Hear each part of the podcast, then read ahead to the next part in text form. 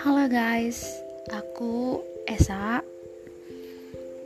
Ini aku random sih ikutan podcast because I don't know what to do. Tapi aku suka. Ternyata seru juga ya punya podcast.